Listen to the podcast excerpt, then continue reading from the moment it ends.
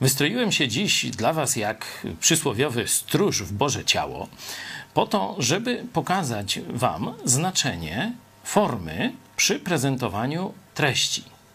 My często, szczególnie moje pokolenie, które już wyrosło w czasach takiego ruchu hipisowskiego, gdzie odrzucało się wszelkie takie ograniczenia, wszelkie e, konwenanse, konserwatywny styl życia, wszyscy w jakichś tam boso, w jakichś koszulach y, i tam make y, love not war, nie? różne takie.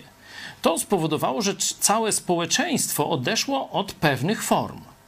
Myśleliśmy, że te formy są niepotrzebne, że wystarczy sama treść, czysta miłość, po co małżeństwo na przykład, kochamy się, nie? I różne takie. Okazuje się, że Bóg stworzył nas także z ciałem, z uczuciami, z wrażeniami, z poczuciem estetyki i tak dalej.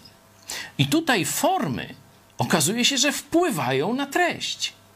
Dlatego starajmy się do odpowiednich treści przykładać właściwe formy, czyli kiedy trzeba ubrać się lepiej, kiedy trzeba mówić spokojniej, poważniej, bardziej mm, w e, taki dystyngowany sposób, bo to wpływa na odbiór. Przykład. Weźcie człowieka, który cały czas błaznuje, wygłupia się, jest niepoważny, e, je brzydko, ubierzcie go we frak i postawcie na przyjęciu. Całkiem inny człowiek. Zobaczcie, forma wpływa na treść. Warto zweryfikować mm, rzeczy, które robimy e, w swoim życiu, z życiu codziennym, czy rzeczywiście dajemy tym rzeczom właściwą formę, właściwą oprawę.